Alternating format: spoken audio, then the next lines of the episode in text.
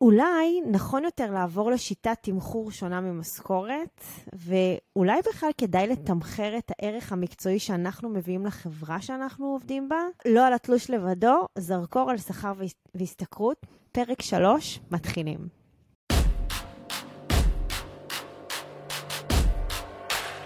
ברוכים הבאים למדברים השקעות עם עמית ואגר.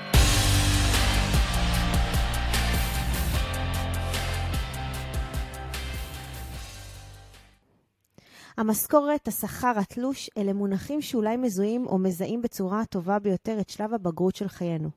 כבר בילדות אנחנו שומעים על המשכורת של ההורים שלנו ושל ההורים של החברים שלנו, בדרך כלל במין רמיזה כזו או בליווי כל מיני הבעות פנים רבות חשיבות. כשאנחנו מתבגרים, המשכורת הזו, שעדיף שתהיה גדולה ככל האפשר, הופכת ליעד מרכזי. לפעמים אפילו נדמה שהמשכורת הזו היא המנהלת האמיתית של חיינו, וכולם מדברים עליה במין נימה של כבוד או של חשש, וגם בנימה של מסתורין.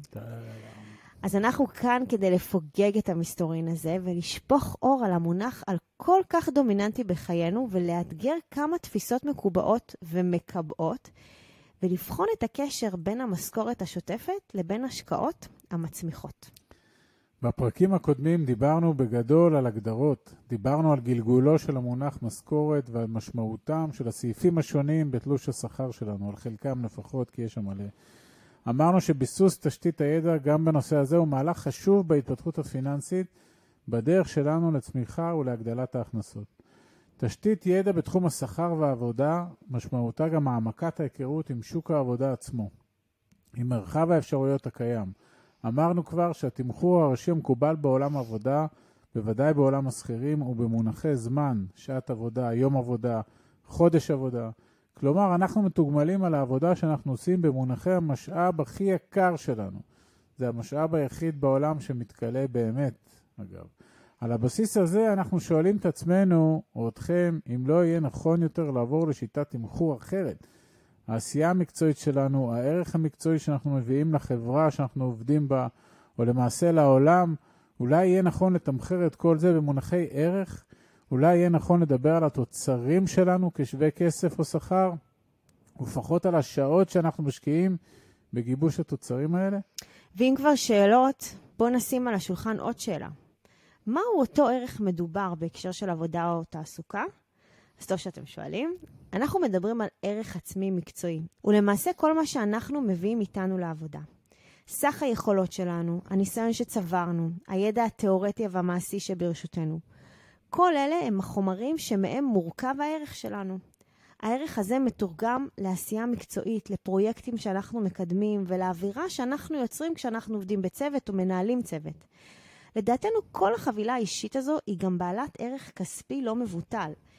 היא הנכס הפרטי החשוב ביותר שיש לנו, לכל אחד מאיתנו. עכשיו, דמיינו שסעיפי התשלום בתלוש השכר שלכם, אותם סעיפים שדיברנו עליהם בפרק הקודם, ישקפו הפעם את העשייה עצמה ולא ייגזרו משעות העבודה. דמיינו שמשרה מלאה תשוקף במונחי פרויקטים ולא במונחי זמן. תחשבו שבמקום ימי עבודה בחודש או שעות עבודה ביום, יהיה כתוב מספר פרויקטים מנוהלים. פרויקט ראשי, תוצרים או ניהול צוות עבודה. דווקא נשמע נחמד, קצת מעניין, מעודד עשייה וגם מועיל לעובדים. גם למעסיקים דרך אגב, וגם לישות העסקית-ארגונית שחרתה על דגלה לייצר את המוצר הזה או משהו אחר. יכול להיות שמדידה או תגמול מהסוג הזה רק ישפרו את התפוקה ואת איכות התוצרים עצמם.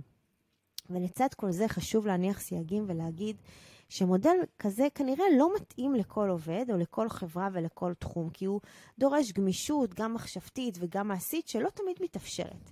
אגב, בעולם העסקה עצמאי, תגמול כספי על פי תוצרים קיים בחלק מהתחומים ומקובל יותר ביחס לעולם השכירים, אבל גם שם מקובל עדיין מאוד תשלום לפי שעות עבודה. אנחנו גם מכירים מעולם השכירים אה, מונח שנקרא אבטלה סמויה או אבטלה גלויה, שבאים ל, ל, לעבודה, אבל לא באים לעבוד. אז מצאנו פה עוד איזה נישה.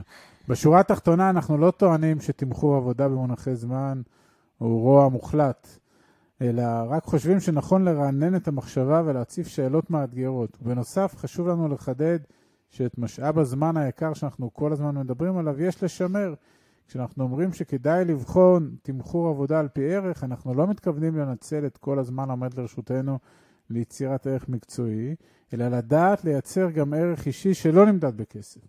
כסף הוא ערך חשוב בפני עצמו, אבל הוא כמובן לא הערך היחיד, וכדאי לזכור את זה, גם כשנמצאים עמוק בתוך תהליך של צמיחה פיננסית.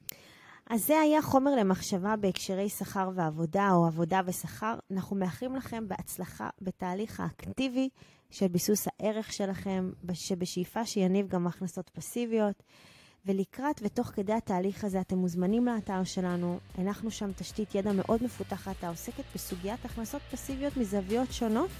לצד התשתית הזו תמצאו גם תשתית של הזדמנויות שיכולות לשמש עבורכם מקפצה אמיתית להגדלת העוני. תודה חברים. תודה.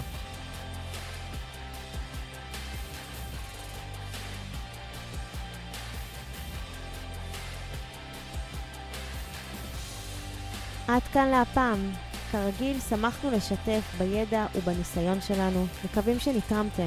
מי שממש רוצה להכיר ולהיחשף להזדמנויות ההשקעה בהן אנחנו משקיעים, מוזמן לאתר שלנו, תוכלו למצוא הכל שם. אנחנו כמובן גם פעילים בכל הרשתות החברתיות, מוזמנים לעקוב אחרינו.